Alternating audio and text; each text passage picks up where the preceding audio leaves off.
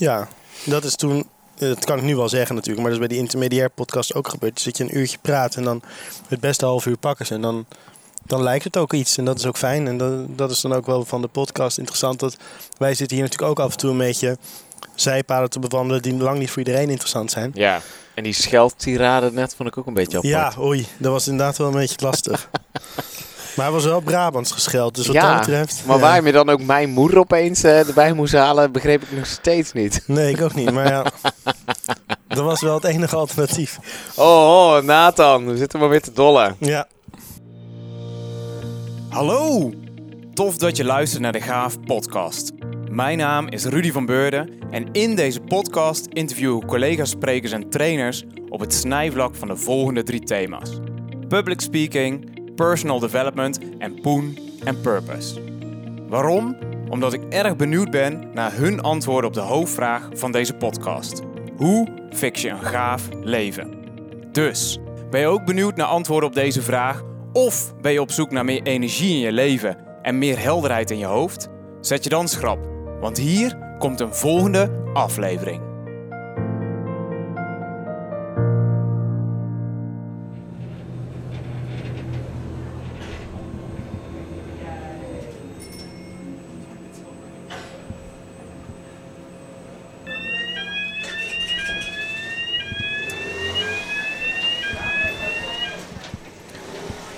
Zo, we zijn met de pont aan de noordzijde van het ei.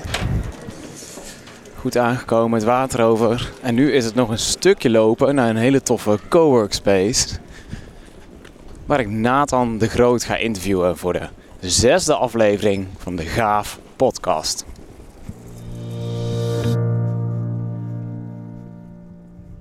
Oh, het is juni en het is super lekker weer. Begin van de avond. Veel mensen komen terug op de fiets of te voet van hun werk. En ik loop hier nu met de zon op mijn bolleken op Amsterdam Noord. Links van mij zie ik de grote Shell-toren. Met helemaal bovenin drie schommels. Waar ook nu mensen over de dakrand heen aan het schommelen zijn. Wel op, eh, weet ik het, 50 meter hoogte misschien. Tof.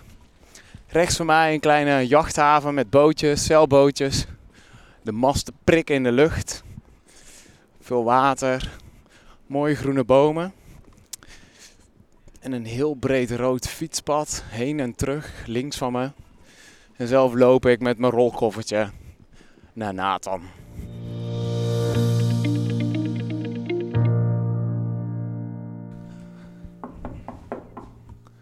Hallo?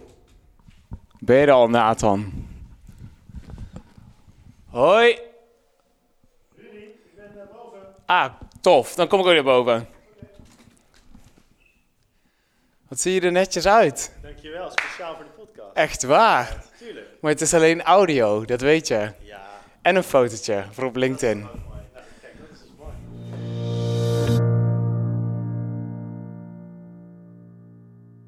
Laten we een stukje gaan vliegen. Ja. Maar dit heb je dus eh, al één keer eerder gedaan. Ja, Met? intermediair, de podcast. Oh, wauw. Was leuk, ja. Maar eh, er hangen allemaal zulke grote dikke namen aan jouw kont. Hoe doe je dat? Nou, dat was gewoon ook in een. eh, Het was allemaal niet zo groot als het lijkt hoor. Maar het was gewoon een, iemand die ik al kende. Die ik een keer als TEDx-spreker had gecoacht in Breda. En die kwam bij een podcast waar ze het hebben over het verbeteren van, van jezelf en de werkvloer en alles wat daarmee te maken heeft. En toen heb ik eh, ja, daar ja tegen gezegd, omdat ze iets wilde weten over hoe je je beter kan presenteren.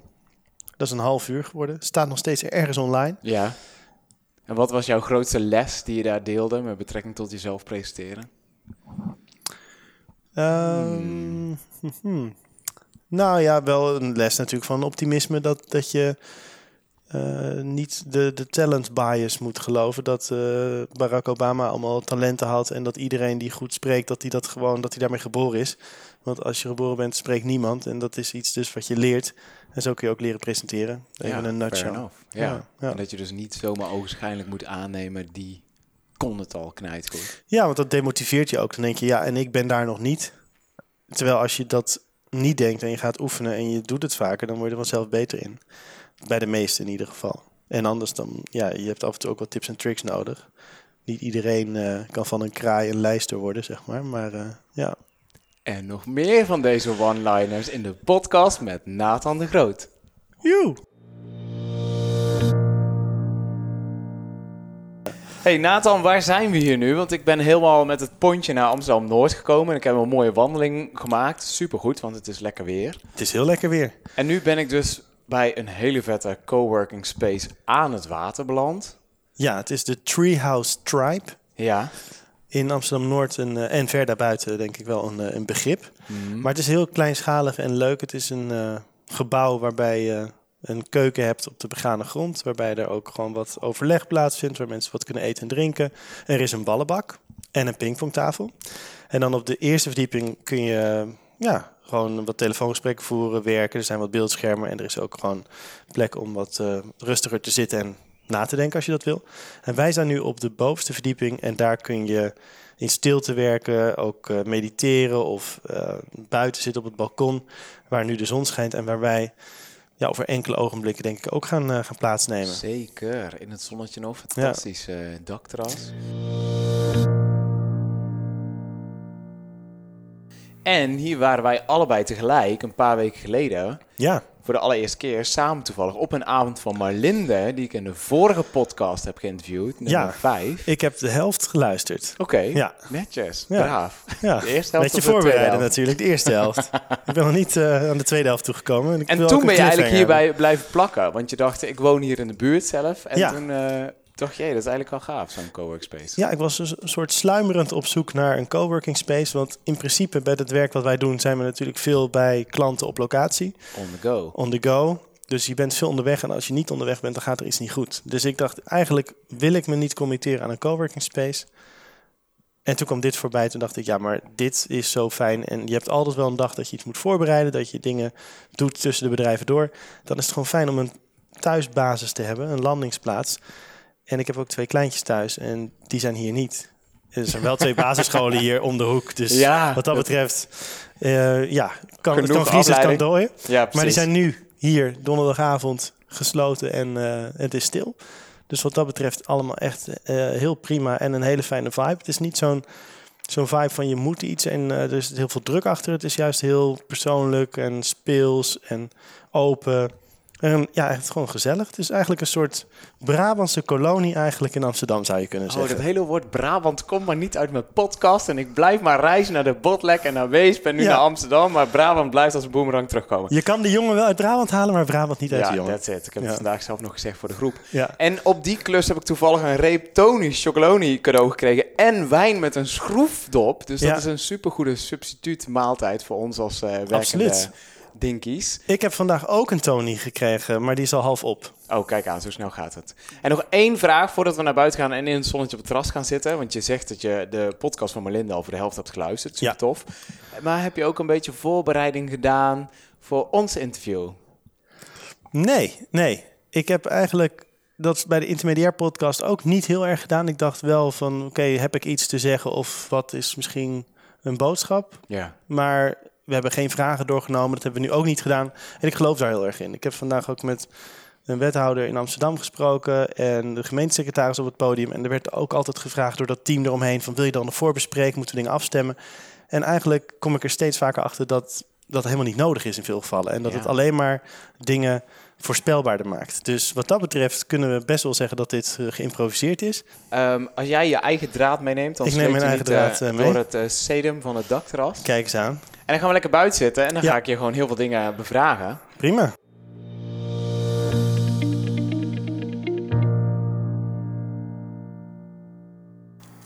Ik heb mezelf een tijd lang een, ehm, een beroepstwijfelaar genoemd. En dat dat dan mijn baan was. En ik denk dat dat nog steeds wel voor een deel de lading dekt. Ja. En ik heb ooit iemand mij een communicatie ninja horen noemen. Dat vond ik schromelijk eh, overdreven natuurlijk. Oh, wauw, wat een mooie term. Maar het is wel een mooie term. En ik denk dat ergens daartussenin wel de waarheid ligt. Dat, eh, ja, Tussen beroepsfilosoof en communicatie ninja. beroepstwijfelaar. Oh, sorry. Ja, filosoof is wel Dat weer- zat alweer in mijn hoofd. Ik zat al te framen. Daarom Ja. kom je aan rare imago's. Als je het mij vraagt, dan geef je mij jouw zelfbeeld. En dan maak ik er in mijn hoofd dit van.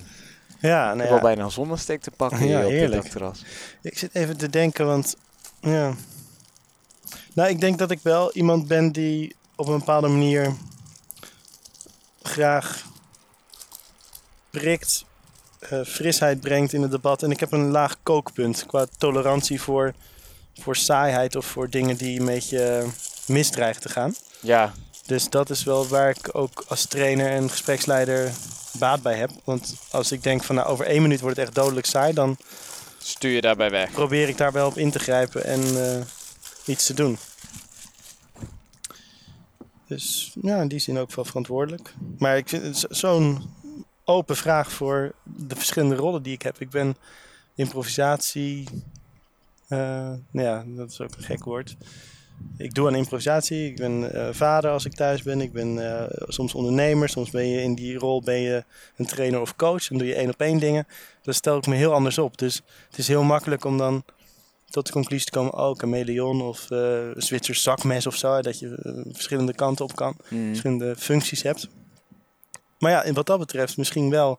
Eh Zwitser zakmes is helemaal niet zo'n gekke vergelijking. Want je kan dan de scherpte hebben van een mes soms, maar je kan ook een biertje openen Ja, en eh, wijn ontkurken, want daar ben jij nu mee bezig. zo is het. Gelukkig is het een fles wijn met een Dat schroefdop. kan toch niemand zien? Dat hoef je toch niet te vertellen? Ja, dat zeg ik wel, want het is gewoon lekker praktisch. Want anders denk je dat we allemaal heel eh, idyllisch daar op een dakterras Oh. in Amsterdam. Ik zoveel moeite met mijn zakmesmetafoor. Dat is ook alweer typisch, hè? Dat dit, weet je dan... Het Ja. spijt me. Soms heb je gewoon geen tool nodig of een externe coach of een trainer. Then you can do it yourself. Dat is ook een les aan de moet- mensen die luisteren. Dat eh, helemaal mee eens. Er moet er wel één ding gebeuren in deze podcast waarvan we dan zeggen dat het er is, maar dat er eigenlijk niet is. Oké, dan mag jij dan verzinnen en dan eh, fiets je dat er maar tussendoor en dan ga ik wijselijk mijn mond houden. Ja, dat lijkt me heel verstandig. Maar duidelijk is dat deze donderdagmiddagborrel officieel geopend is. Ja. Ik ga je- jou gewoon je ontzettende kelk eh, Ja. witte wijn inschenken die binnen no time lauw gaat worden. Dankjewel. Misschien moeten we dat iets dichter bij de microfoon doen. Ja, hupsa. hij vangt hem op. Heel goed. Heel goed. Proost kerel. Proost. Op een mooie donderdagavond. Tof dat ik langs mag komen. Ja, maar je bent van harte welkom natuurlijk. Maar over welke van je rollen wil je het gaan hebben? Want deze podcast die gaat voornamelijk eh, in gesprek met sprekers en met trainers. Eh, jij schrijft of hebt ook geschreven voor de Speld. Dat vind ik super tof. Jij hebt een eh, heel vet initiatief uit Berlijn gehaald, als ik het juist heb. PowerPoint karaoke, waar je Ja. PowerPoint slides googelt van het internet en daar niets vermoedende trainees mee laat eh, acrobateren eigenlijk voor de groep. Improvisatie PowerPoint, hartstikke leuk om te doen. Je Ja. bent ook eh, host en moderator, groepfacilitator. Ja. Wat zijn toffe dingen die je er sowieso uit wil lichten en waarvan je denkt, hé, hey, daar, daar kunnen we wel even de tanden in zetten. ja, nou misschien ook even aan het begin zo voor het overzicht. Want het lijkt soms alsof ik dan zes levens leid of zo. En dat valt ook allemaal wel weer mee. Ja. Ehm, want je kan dus dat echt niet allemaal fulltime naast elkaar doen. Alleen als je even kijkt naar de percentages dan ongeveer hoe dat nu gegroeid is, dan kan ik zeggen dat de helft van de tijd dat ik aan het werk ben, dan ben ik eigenlijk bezig met dagvoorzitterschappen, ehm, moderaties, host, hoe je het wil noemen. Het verschilt ook elke keer weer. Dat ik in ieder geval de presentatorrol pak.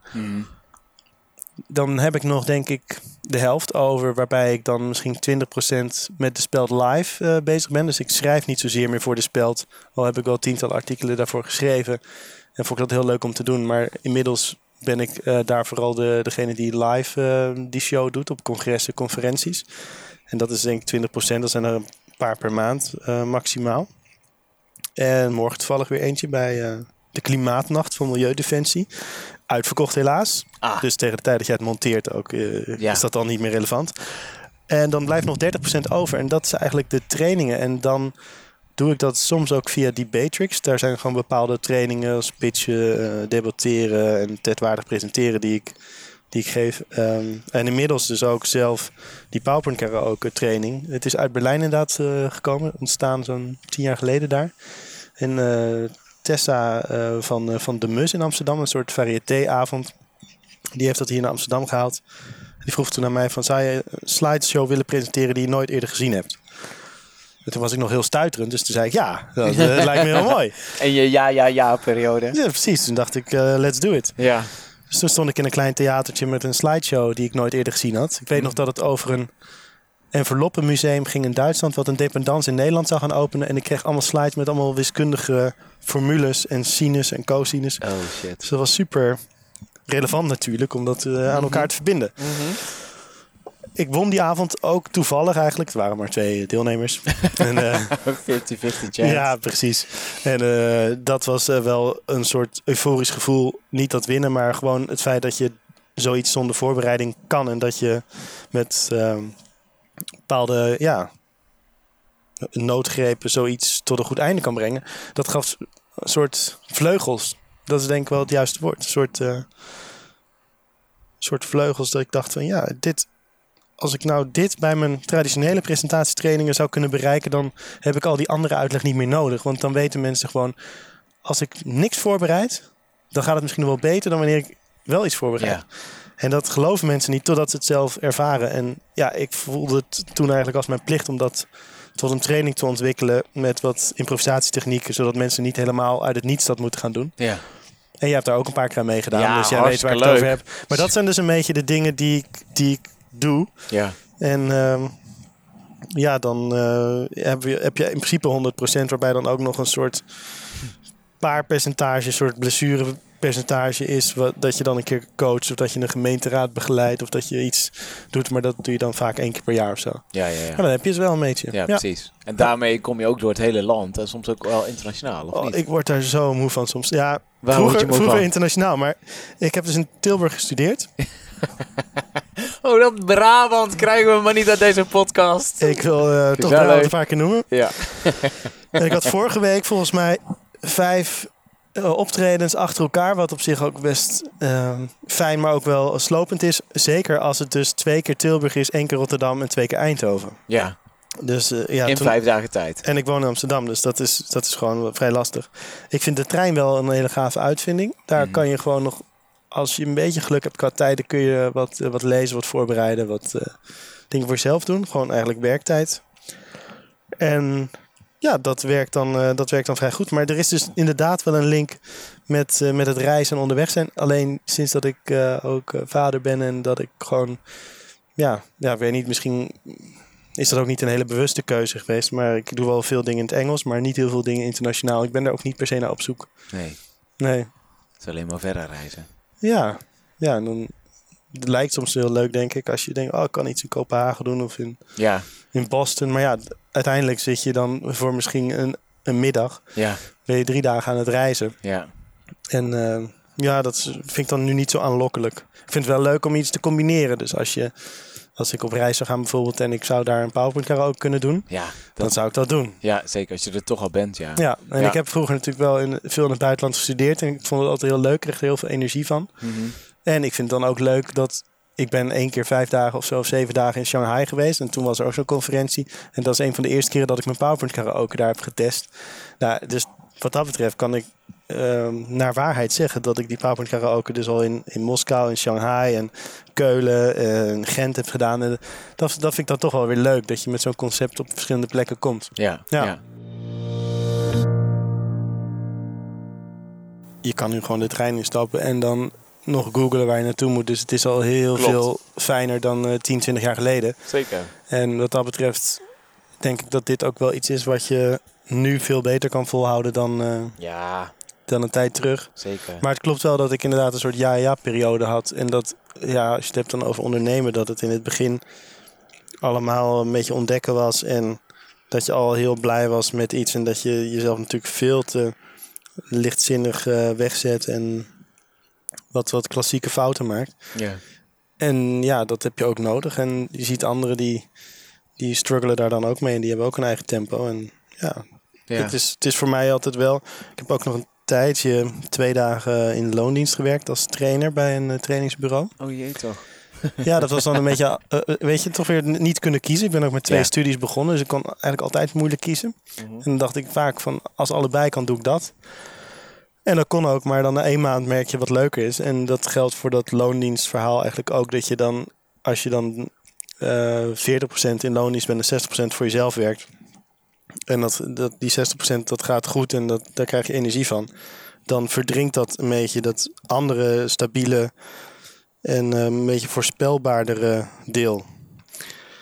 En dat is alleen een goed, dat is een goed en leuk teken. En ik denk ook dat ik dat niet had willen missen per se. Hmm. Alleen dat zijn wel stappen die, eh, die je zet. Dus ja, ik spreek veel jonge ondernemers of mensen die ook zeggen van oh, dagvoorzitterschap, dat lijkt me leuk. Veel journalisten nu ook die, die denken ja, alleen van de pen kun je ook moeilijk leven en kritische vragen stellen, dat kunnen ze wel. Ja, ja, ja, Laat ze dat eh, ja, ook geen slechte gedachte om dat live te doen. Ja.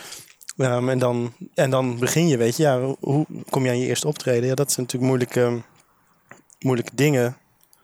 Ja, benoem het, zeg ik tegen mensen. Zeg, spreek uit Ja, dat je dat, eh, dat, je dat wil doen. En dan gaan mensen jou, jouw naam ook te binnen schieten als zo'n kans zich voordoet op Precies. werk. En, en doe het een keer en organiseer zelf je feestje, zodat Ja. mensen dat zien en dat je er een foto van hebt. Kijk, wat ik dan ook altijd ironisch vind, is dat mensen dan soms aan het eind van het gesprek zeggen van, oh ja, dankjewel, was leuk en ik heb er energie van gekregen en het was gewoon interessant om dat te spiegelen. Vaak leer ik daar zelf ook weer iets van. Ja. En dan denk ik ook soms, dan stort het wel als een kaarthuis in elkaar. Als iemand dan zegt, oh ja, ik ben ook bezig met een website. Ja, ik, ik ga daar de komende maanden heel hard aan werken. En ik denk dat we over een maand of zes dat hij dan wel in de lucht is. Dan denk ik echt van, oh wat zonde. Echt, doe dat jezelf toch niet aan. Ik bedoel, je kan echt wel een soort 1.0 versie Ja, in de lucht hebben. Dezelfde dag of dezelfde week. En misschien wel. ik en dat mag je voor- ook ontdekken. Of dat Ja. mag iemand ook in een podcast al dan niet een keer tegen je zeggen. Go fucking do it. 1.0 versie of een PowerPoint slide. En maak daar een LinkedIn post van. Dan ben je Ja. er ook al. Ja. Hier. Want niemand gaat echt een, een websitebezoeker worden. Het gebeurt allemaal op die kanalen waar ze toch al zijn. ja. En toch mogen ze dat ook wel op hun eigen tempo ontdekken natuurlijk. Ja, ik ben ook niet iemand die zegt van dat het allemaal snel moet en dat je dat moet doen en anders niet. Mhm. Alleen ik denk wel dat als je voor jezelf zoiets hebt van ik ga zoiets proberen, Ja. dan ja, bij mij werkt het zo en bij veel mensen ook dat als je dat uitzet of je gaat het uitsmeren, dan smeer je ook de energie uit en dan dan neem je ook een risico daarmee. Want Ja. ik bedoel, als je zes maanden neemt bijvoorbeeld voor een website of iets dergelijks, Ja. ja, dat, dat vind ik vrij eh, Lang. dat- eh, lang en ook zonde van je energie. In die Ja. tijd had je heel veel andere dingen kunnen Ja. doen. Ook al, ik bedoel, stel dat je dat dus twee dagen per week doet, of waar je dan ook mee bezig bent, of wat voor ontwerpen, plannen, sketches, geen idee. Stel dat je nou gewoon een 1.0 versie maakt, je drinkt een paar kop koffie met mensen en na zes maanden zeg je, nou nu maak ik een 2.0 versie, ga je nog een dagje zitten, je schrijft wat dingen op, je maakt een foto van wat je hebt gedaan.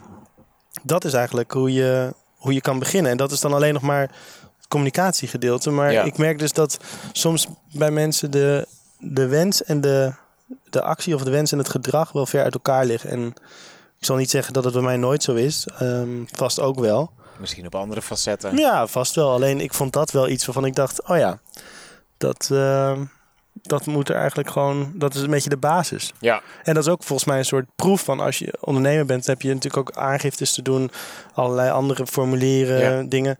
Dus dit is een soort eerste test. En als je daar dus al veel tijd voor neemt, dan is het zo zonde, want je wil eigenlijk uiteindelijk niet met die randzaken bezig zijn. Je, be- je bent de meeste mensen die geen websites bouwen voor, als onderneming, die doen dat er een beetje bij. Als een moedje.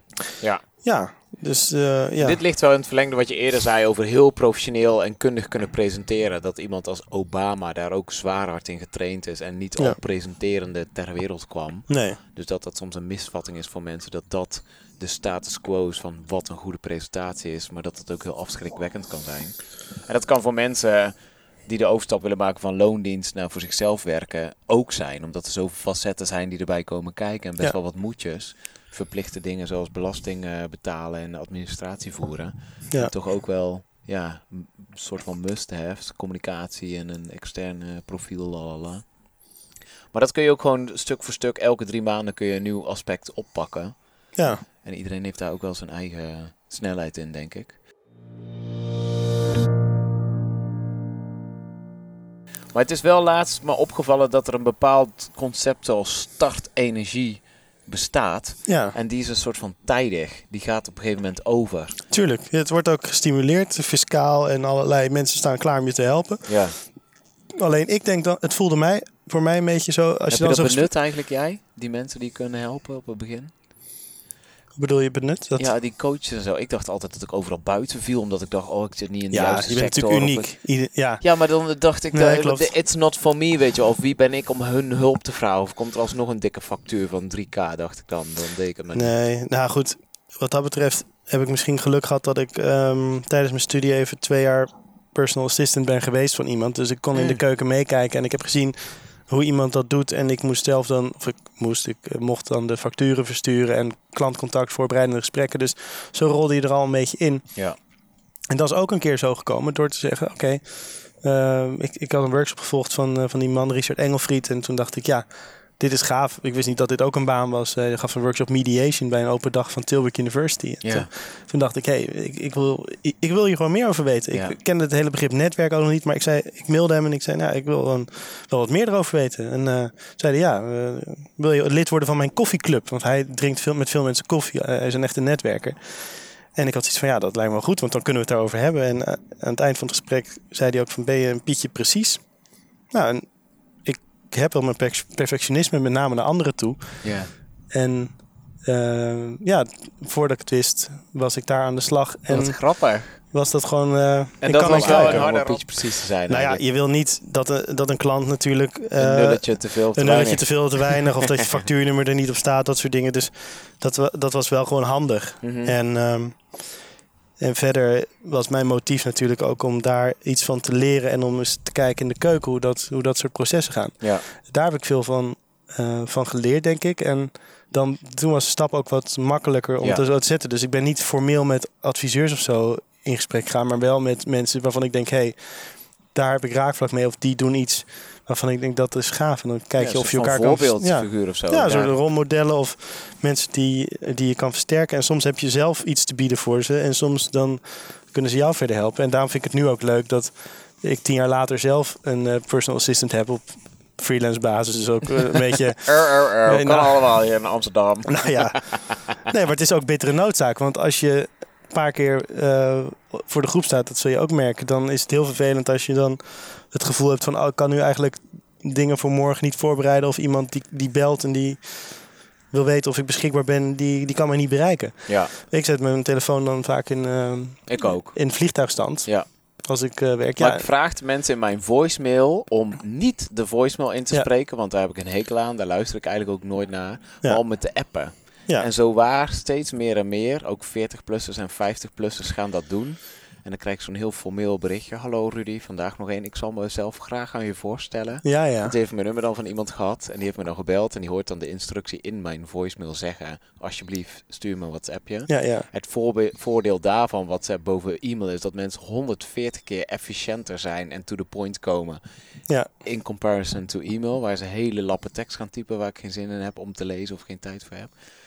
En dan kan ik heel snel schakelen als er eh, een pauze is of zo. ja, dat is waar. Dus dat scheelt wel. eh, dat kan ook in deze tijd. Dat vind ik wel echt voordelen. Ik denk wel dat deze tijd, wat jij net heel kort aanstipte met die treinen en zo en de resources die we hebben en alle kanten heel veel mogelijk maakt. Ja. En tegelijkertijd kunnen mensen er ook echt in verzuipen, denk ik. Ja, dat is wel echt. Dat wil ik beginnen? de luisteraars ook wel op het hart drukken. Want als je ondernemer bent, dan eh, bestaat zoiets als vakantie niet echt meer als je niet oppast. Eh, want ja, op vakantie denk je ook van ja, er worden toch nu ook weer klussen verdeeld. Je wil toch bereikbaar zijn voor als het echt nodig is. Of als er iets, iets is waarvan je denkt dat moet ik eigenlijk weten. Het is dus eigenlijk heel gevaarlijk. Dat geldt ook voor de avond en de weekenden. Dat je dus zeker met WhatsApp, en daarom ben ik daar iets voorzichtiger mee. Dat je ehm, altijd aanstaat wat dat betreft. En ehm, ja, er zijn ook mensen die daar studies naar hebben gedaan. Dat ook het, het, het pingetje wat je hoort bij WhatsApp of het feit dat je daar een melding ziet. Dat is vaak al zo krachtig in je hersenen qua eh, endorfine of dopamine of wat dan ook dat stofje is. Maar in ieder geval een soort blijdschapstof. Dat is vaak sterker dan het, het, lezen van het berichtje zelf. Ja, ja, ja. Dus de anticipation of the pleasure Ja. is... eh, Gelukkig zijn Marlin in de vorige podcast op het einde, de tweede helft. oh die ja, je niet gehoord. helemaal- ja, Niet verklapt. zet ze uit. Ja, Ja, Ja. die- Je kunt ze gewoon uitzetten, die notificaties, waardoor je al een rustiger leven hebt. Maar ook eh, om, om het af en toe in de vliegtuigmodus te zetten. Want als je voor de groep staat, kun je niemand beantwoorden. Maar ook als je af en toe gewoon een middag voor jezelf wilt dat, hebben, kan dat ook. Want of je nou voor de groep staat of voor jezelf bent. Ja. Het scherm op zwart-wit, op grijs tint te zetten, is een hele goede die werkt. Ja. Dus er zijn eh, allerlei inzichten. Maak hem maar open, want voor, voor dit weet smelt hij helemaal. Die palmboom? Nee, de- de- Nee, ja, nee, nee, dat is natuurlijk. Nee, het is een. eh, Het? White chocolate. Ja, is wel een goed idee om erbij te doen. Ja, Nou ja, dat eh, klopt. Maar het is natuurlijk ook als, als ondernemer is dat, het- is dat wel iets waar je voor op moet passen. Zeker in het begin als je in je stuiterfase zit en je denkt van... oh, ik moet Ja. alles heel goed in de gaten houden. En, en op WhatsApp komen zowel je persoonlijke berichten binnen als ook soms zakelijke. Ja, dat is ook zo. Dan is dat best wel, best wel tricky. Ja. En ik ben dus nu blij dat ik iemand heb die daar af en toe een rol in kan spelen. En ook ehm, een, een voorstel kan maken waarvan ik denk... ja, dat had ik zelf niet, niet kunnen doen. Ja. Zo mooi en zo snel. Ja, ja tof. Dus dat is win-win. En dat leer je op een gegeven moment dat... Vroeger wilde ik veel dingen zelf doen, Ja, kosten wat het kost. ja dat zit ook wel ga je een beetje, mij en dan ga je een beetje lopen, lopen ja, aanrommelen. Ja, En dat vond ik ook heel leuk. Maar nu denk ik van ja, weet je, er is gewoon een specialist die, die eh, goed weet welke belastingregels er zijn. Wat, wat ik wel niet eh, eh, kan aangeven en dat Ja. soort dingen. Dus dan ga je daarmee praten. Ik ben zelf natuurlijk ook een soort specialist. Ja. Dus ik vind het dan ook heel fijn om dat soort andere mensen om me heen te verzamelen. ja, precies. En daarmee te werken. Ja, ja. Ja. En het aantrekken van de kwaliteit resulteert ook in nog meer kwaliteit. Dat is ook wel mijn mening. Ja, alleen ook wel weer druk. Want op het moment dat je dus drie, vier mensen met drie, vier mensen werkt bijvoorbeeld, dan heb je wel het idee van oké, nu moet ik ook wel iets gaan doen, zeg maar. Nu kan ik niet voor, Kan ik niet in mijn bed blijven hangen? ja, en ook niet voor een flesje wijn naar Deventer gaan, bijvoorbeeld voor een symposium. Nee, nee, precies. Even om geen Brabant te noemen. Heel goed. Ik kom nauwelijks in Deventer. Ik heb nog wel een paar niet. vragen die me zijn blijven bijblijven Dat lijkt me een heel goed idee. Ehm, je hebt dus eh, een soort van baantje gehad bij Richard Engelfried. Super tof. Hem kan ik trouwens ook nog een keer vragen voor een podcast. Ik Ja. weet niet of je daarvoor open staat.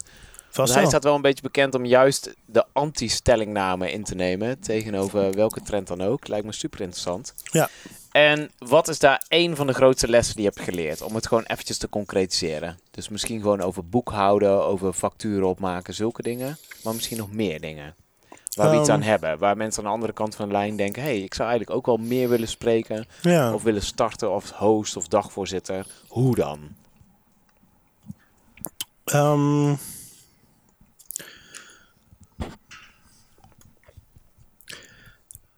ik denk er even over na, want ik weet niet wat, wat dan het handigste is om te vernoemen, benoemen. Nou, wat Richard denk ik heel goed doet, is dat hij dus tegendraads is en daardoor ook opvallend. Mhm. En ook wel een bepaalde lichtheid meebrengt, of een bepaalde humor. Mhm. En dat, dat eh, is sowieso al een soort positief uitgangspunt. Wat hem dan nog onderscheidt is dat hij soms ook dus eh, iets heeft tegen voorwaarden en tegen hè, dus geen algemene voorwaarden. En hij zegt ook van al die mensen die dan disclaimers in een mail doen, kan je helemaal niks mee.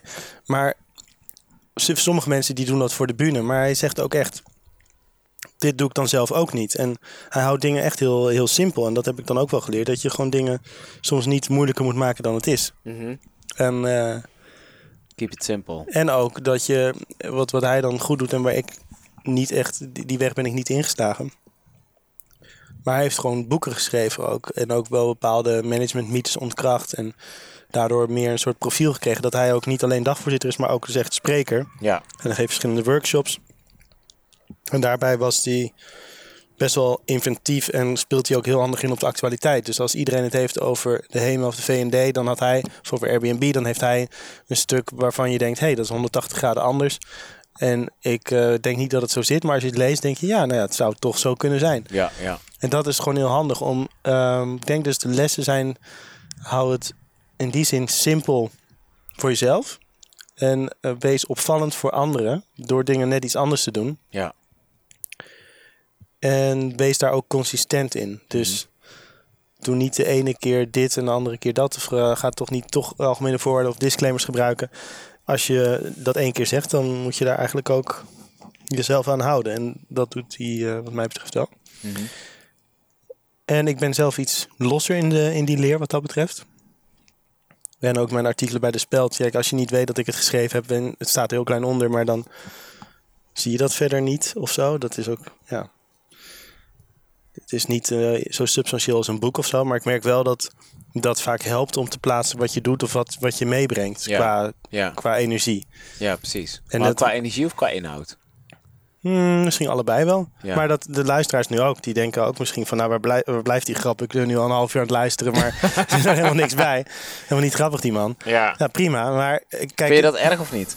nee, nee, eigenlijk niet per se. Ehm, alleen, het is wel lastig. Kijk, ik ben ook een tijdje campusdichter geweest. Dat heeft ook wel geholpen om wat meer podiumervaring te krijgen. Holy shit, hoe word je campusdichter? Door drie gedichten in te sturen rond eh oud en nieuw. Aan wie? Aan Tilburg University? Ja, en dan word je op een schild gehesen. En dan mag je bij officiële gelegenheden gevraagd en ongevraagd poëtisch advies leveren. Wat, wat erg leuk was. Wat grappig. Maar dan heb je dus het omgekeerde. Kijk, als je wordt aangekondigd als dichter, met alle respect. Ik ben het natuurlijk zelf ook geweest. Misschien raak je dat nooit kwijt. Je hebt zoveel rollen. Ja, maar ook misschien gehad. En dan... Ik heb, ja, ik heb ook in rokerige kroegjes dan gedichten eh, voorgedragen die ik dan zelf geschreven had, waarvan ik nu denk, ja, wa- wat voor een doel had dat precies? En het was toch op dat moment was leuk en zei ja tegen en prima tijd. Maar met de kennis van nu weet ik niet of dat, of ik daar misschien even over na had moeten denken. Ehm, maar wat ik daar eigenlijk over wilde zeggen, over dat dichterschap, is dat je daar, dan heb je eigenlijk veel mensen, ten onrechte uiteraard, die denken dan, oh, een dichter. Oh, even doorbijten. Dit wordt even... mm. Komt iemand met eh, Iets allerlei iets zwaars, reflectie, de dood, de dageraad van de schemering, eh, dat soort dingen, weet je. Dan, ja, dat... En dat is een hele fijne aankondiging, want je, die verwachtingen zijn zo laag dat je daar eigenlijk altijd wel overheen struikelt. Mhm. Terwijl als je zegt van nou dit wordt lachen, hier komt iemand eh, die schreef ook wat voor de speld. En nou ja, ik ben heel erg fan van die, eh, van die website en eh, de meeste van jullie kennen het ook wel. Dat is heel moeilijk om, om daar soms, als het, als het niet echt gepast is, om daar heel veel grappen over te maken. Omdat, Ja, omdat het verwachtingspatroon te voldoen. Dus dat moet je dan ook eigenlijk niet doen. ja. Maar dat- moet je dan nooit een BN'er worden eigenlijk. Nou ja, voor een deel niet. Voor tarief is het wel handig. maar ook wat je bij de BN'ers veel ziet, is dat die, die zijn dan veel, per definitie, als je BN'er bent, ben je veel met camera's bezig. En soms vallen die dan live heel erg tegen. Dus ik vind het niet erg om, zolang ik gewoon genoeg klussen heb en zolang genoeg mensen mij kennen, dat je gewoon, dat ze weten van, eh, die is live gewoon heel goed. Want ik ben niet per se iemand die houdt van eh, opnames, video-opnames, audio, daar hou ik gewoon heel erg van. Daarom heb Maar je ook je mooiste pak aangetrokken. Ja, compleet met wit pochetjes. ja, ja, ja, nice. ja, dat zit allemaal in. Past goed bij de wijn met schroefdop en eh, de gratis reep eh Ook witte chocola. chocolade. Ja, Ja. precies. Nee, dus ja, Ja, tof. Maar wat zou jouw onderscheidende vermogen dan zijn? Want je hebt het net over je voormalig werkgever gehad. Maar hoe zou het voor jou zijn? Hoe zou jij... Wat is jouw unieke DNA? Of, je, of denk je daar niet echt over na? Of ben je daar nog deels naar op zoek? Of, eh, of, of zien opdrachtgevers dat verschillend in verschillende branches? Ja. Ja, nu klinkt het natuurlijk heel tegenstrijdig, maar ik denk ook dat ehm, dat soort DNA-dingen en branding, dat wordt ook soms wel overdreven. Want iedereen Ja. is heel erg op zoek naar iets unieks. Maar volgens mij moet je gewoon bepaalde dingen net iets anders doen. Mhm. Dus wat ik dan op een gegeven moment vaak heb gedaan, is dat ik bijvoorbeeld met Mentimeter ben gaan werken. Dus dat is zo'n online voting tool. Ja. Als je daar een paar keer mee werkt, dan word je daar wat handiger in. En ik heb ook een debatachtergrond, dus dan kun je heel makkelijk zien wanneer een stelling wel of niet gaat werken. Mhm. En als je daar dan wat grappen in verwerkt. Ja, kijk, ik kan natuurlijk nu zeggen van, oh, ik vind creativiteit belangrijk en, ehm, en humor, energie, betrouwbaarheid en een beetje van die kernwaarden. Maar dat zegt niet zoveel, want het kan, een autodealer kan dat zeggen, een tandarts, een andere dagvoorzitterspreker. Het mag wat specifieker inderdaad. Ja, nee, of, of ook niet. Het hoeft ook niet heel specifiek. Want je kan, je kan dus ook. ehm, er zitten trouwens twee duiven op het dak, dat is echt waar. Die zitten een beetje te loeren naar die chocola. Oh ja, pas maar op. Dus dat leidt mij eh, een beetje af. Ehm, maar dat unieke of dat profiel, ik laat het ook een beetje over aan anderen. Alleen wat ik, ja, dat, het bedachtzame of zo. Ik, ik vind het wel belangrijk. Hmm, ik ben niet zo heel erg gewend om zoveel over mezelf te praten en te denken. Alleen als ik dat, als ik dat dan toch nu Zit hier met een doen- grasspriet twijfelend in zijn handen. ja, ja, ja, heel beteuterd ook. Nou, als ik denk van wat zijn nou dingen die je dan uit wil stralen of die je wil brengen, dan is het wel een bepaalde energie. En iemand die Ja. ik ken, die noemt zichzelf een energieleverancier. Dat vind ik wel een heel mooi beeld als dagvoorzitter. Ja. Nou, ik denk dat ik dat, daar ben ik natuurlijk veel te bedachtzaam voor. Maar met mij haal je wel bij bepaalde evenementen, haal je wel een bepaalde swoon en zekerheid en een lichtheid eh, naar binnen, denk ik. En ik, ik denk dat dat iets is wat, je, wat ik niet op mijn website zet als kernwoorden. Maar dat is wel iets wat, wat mensen misschien dan doorgeven aan elkaar. Ja, precies. Wat Ja. je levert. Ja, ja. Ja. precies. Ja, soms vraag ik me ook, eh, nu, nu je dat allemaal zo zegt, misschien wil je wel ook wel een beetje ongrijpbaar blijven. Dat je niet zo Ja, misschien is dat de crux van, eh, van het hele... Alleen ongrijpbaar betekent in deze maatschappij ook heel vaak onvindbaar. Onvindbaar. Want je, je, kan natuurlijk, ja, je kan natuurlijk letterlijk ongrijpbaar googlen, maar ik moet de eerste persoon nog tegenkomen, behalve dan jullie als eh, bij de hand luisteraars die dat gaan doen. En, eh, en dan nog, weet je, kijk, ja, ik weet niet. Ik, ik ben wel dus iemand die dus super moeilijke keuzes maakt. En eh, vandaar dus dat je een paar rollen naast elkaar hebt. En ik hou van afwisseling, dus ik ga geen proefschrift schrijven. Ik kan niet vier jaar lang me op één ding regelen. Dat lijkt me verschrikkelijk. Dat kan jij denk ik ook niet. Je zou Nee, het ik heb er geen kunnen, maar- voor. maar afstuderen was ook nooit het, het allerleukste. Alleen, ja, die afwisseling houdt het leuk. En ook gewoon de flexibiliteit om af en toe iets, iets heel anders te kunnen gaan doen. En dat je dan wat ongrijpbaar bent, dat is in, heeft in zekere zin ook tegen me gewerkt. Ik, toen ik ook nog in het buitenland studeerde en ook even tijdelijk woonde. Toen vroegen mensen ook, in plaats van aan normale mensen vraag je altijd van hoe gaat het met je. Maar bij mij vroegen ze altijd eerst, waar, waar hang je nu weer uit, zeg maar. Ja, En daarna dan eh, misschien hoe gaat het met je. Maar ehm, dat ongrijpbare, ja, dat is iets wat mij wel als een, als een jas past misschien. Alleen wat ook wel een plek heeft moeten krijgen. Want is het erg dan om ongrijpbaar te zijn als je verschillende dingen doet? Kijk, we hadden het even over hokjes. ja. Misschien knip je dat eruit, maar voor de mensen die dat nog weten. Het is, eh, het is gewoon... Mensen willen toch weten van waar kan ik jou voor inhuren. En Ja. ze denken eigenlijk nooit van, oh de kraan lekt, ik ga iets, iemand ongrijpbaars inhuren. Nee, ja. Dus ze willen gewoon wel weten van welke rollen kun jij vervullen. Nou, en daar ben ik wel iets... Ja, en eerder noemde je jezelf al een chameleon of zelfs een Zwitser zakmes. Een Zwitser zakmes, ja. Ja, wat ik ook heel tof vind. Hey, eh, inzetbaar in vele verschillende situaties. Oh. Ja, tof. Een soort van multi. To the rescue, ja, ja. Ja, ja, Ja. ja.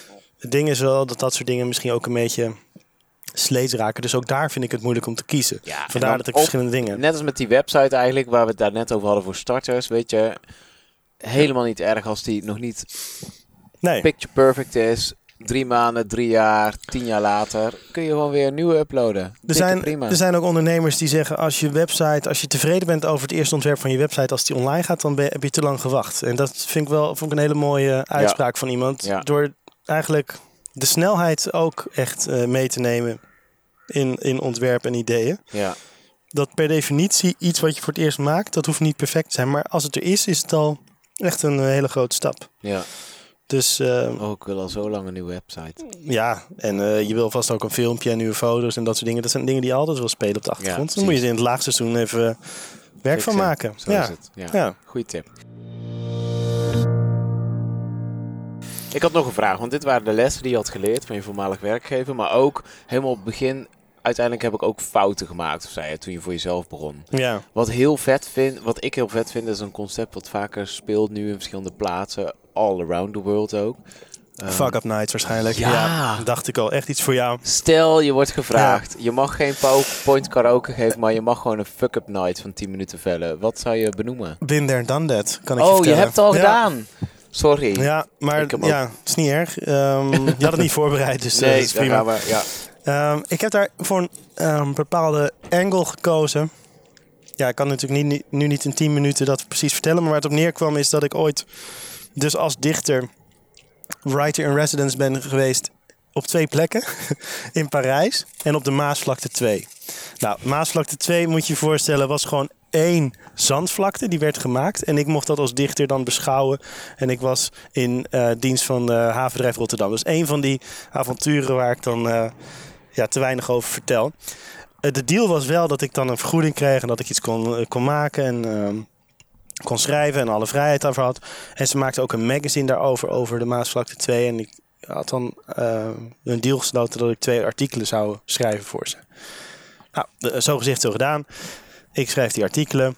En eh, één artikel zou gaan, waar ik dan ook over heb verteld bij die Fuck Up Nights, zou gaan over ehm, dat de kaart van Nederland, wat echt magisch interessant is, die verandert gewoon per jaar of per decennium verandert Nederland. Van Ja. Als je vanuit de, vanuit de lucht naar satellietbeelden, kijkt, ja. satellietbeelden. Je ziet eerst de inpolderingen, Flevoland natuurlijk, de afsluitdijk, maar dus nu ook de Maasvlakte.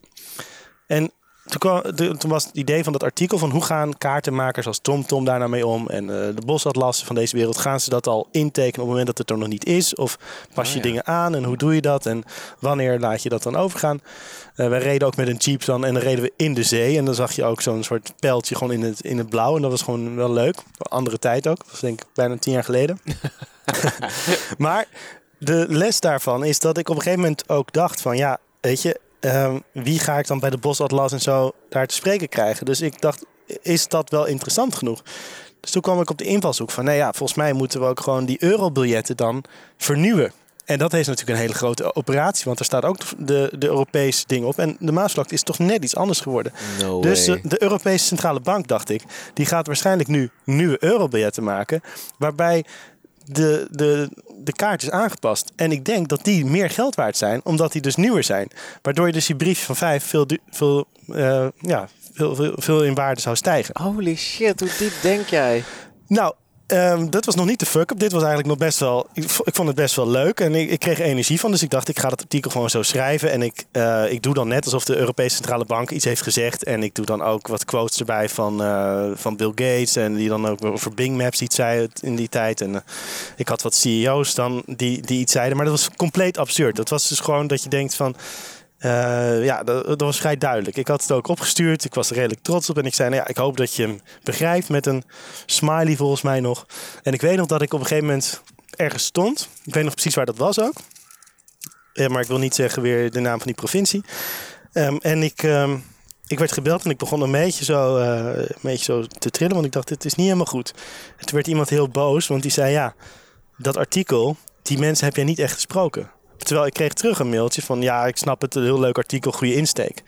En toen zei hij, ik wil toch nog even checken of je niet echt met, wat was het, eh Juncker of Barroso gesproken hebt. Toen dacht ik, nou, volgens mij is hier iets heel erg mis. En dat was toen al zo'n drukproef, dus er was al zo'n magazine. Je weet hoe dat soort dingen gaan. Paniek.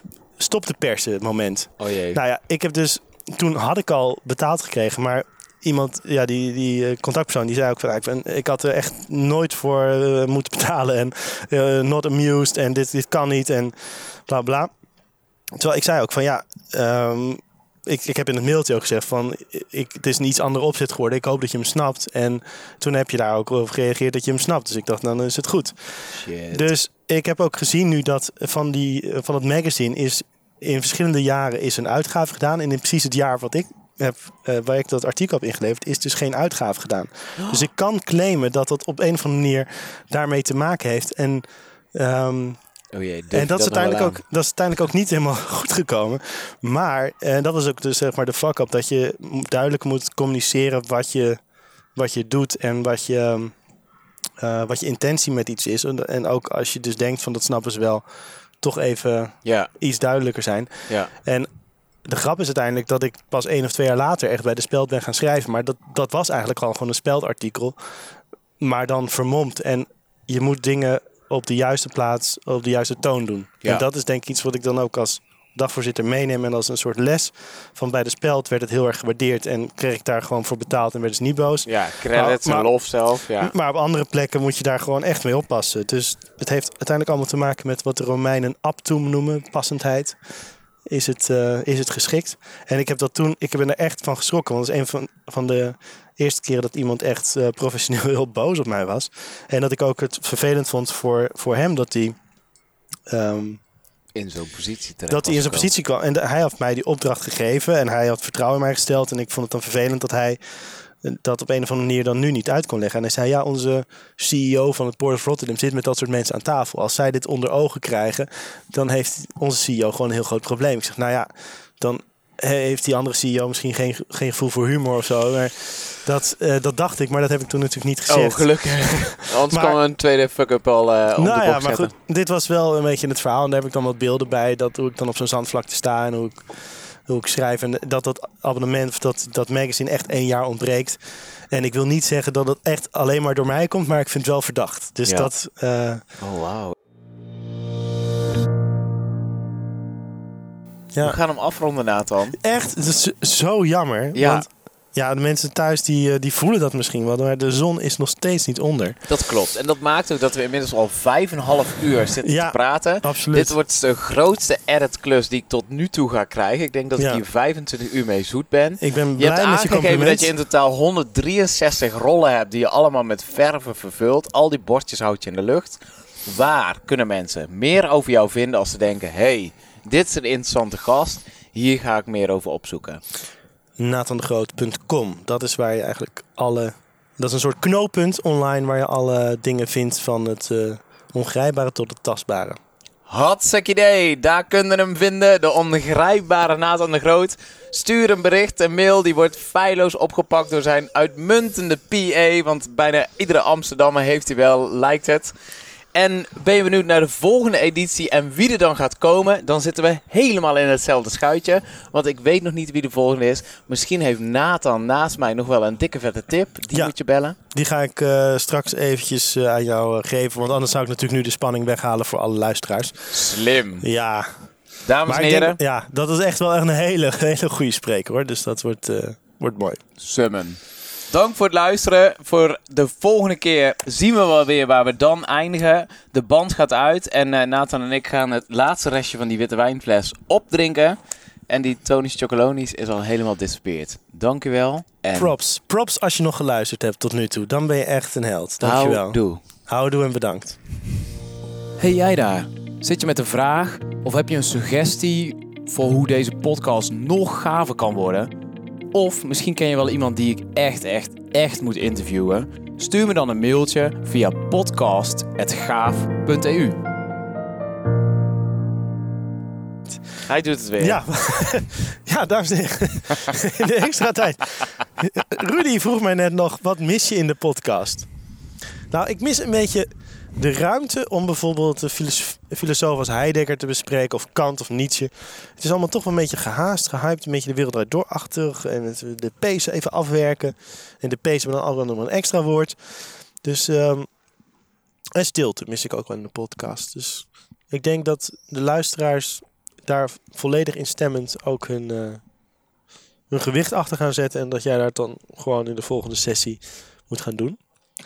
En het lijkt mij leuk om in de volgende sessie ehm, een, iemand te hebben die jij eigenlijk nog niet kent. Dus dat je in plaats van in je eigen cirkel met je rond te struinen, dan krijg je toch een beetje de bias van mensen die al een beetje ja, die bekend zijn. Maar het lijkt me heel interessant om jou naast iemand te zetten waarvan je denkt, hè, maar hoezo? Wat doe jij? Je eigen verwondering. Wat tof dat je dat zegt. Exact hetzelfde wat Nathalie ook zei in podcast 4. Oh, dat geeft me zo'n gevoel van originaliteit. Vind ik zo leuk. Je staat wel in mijn zon. Oh, echt? Ja.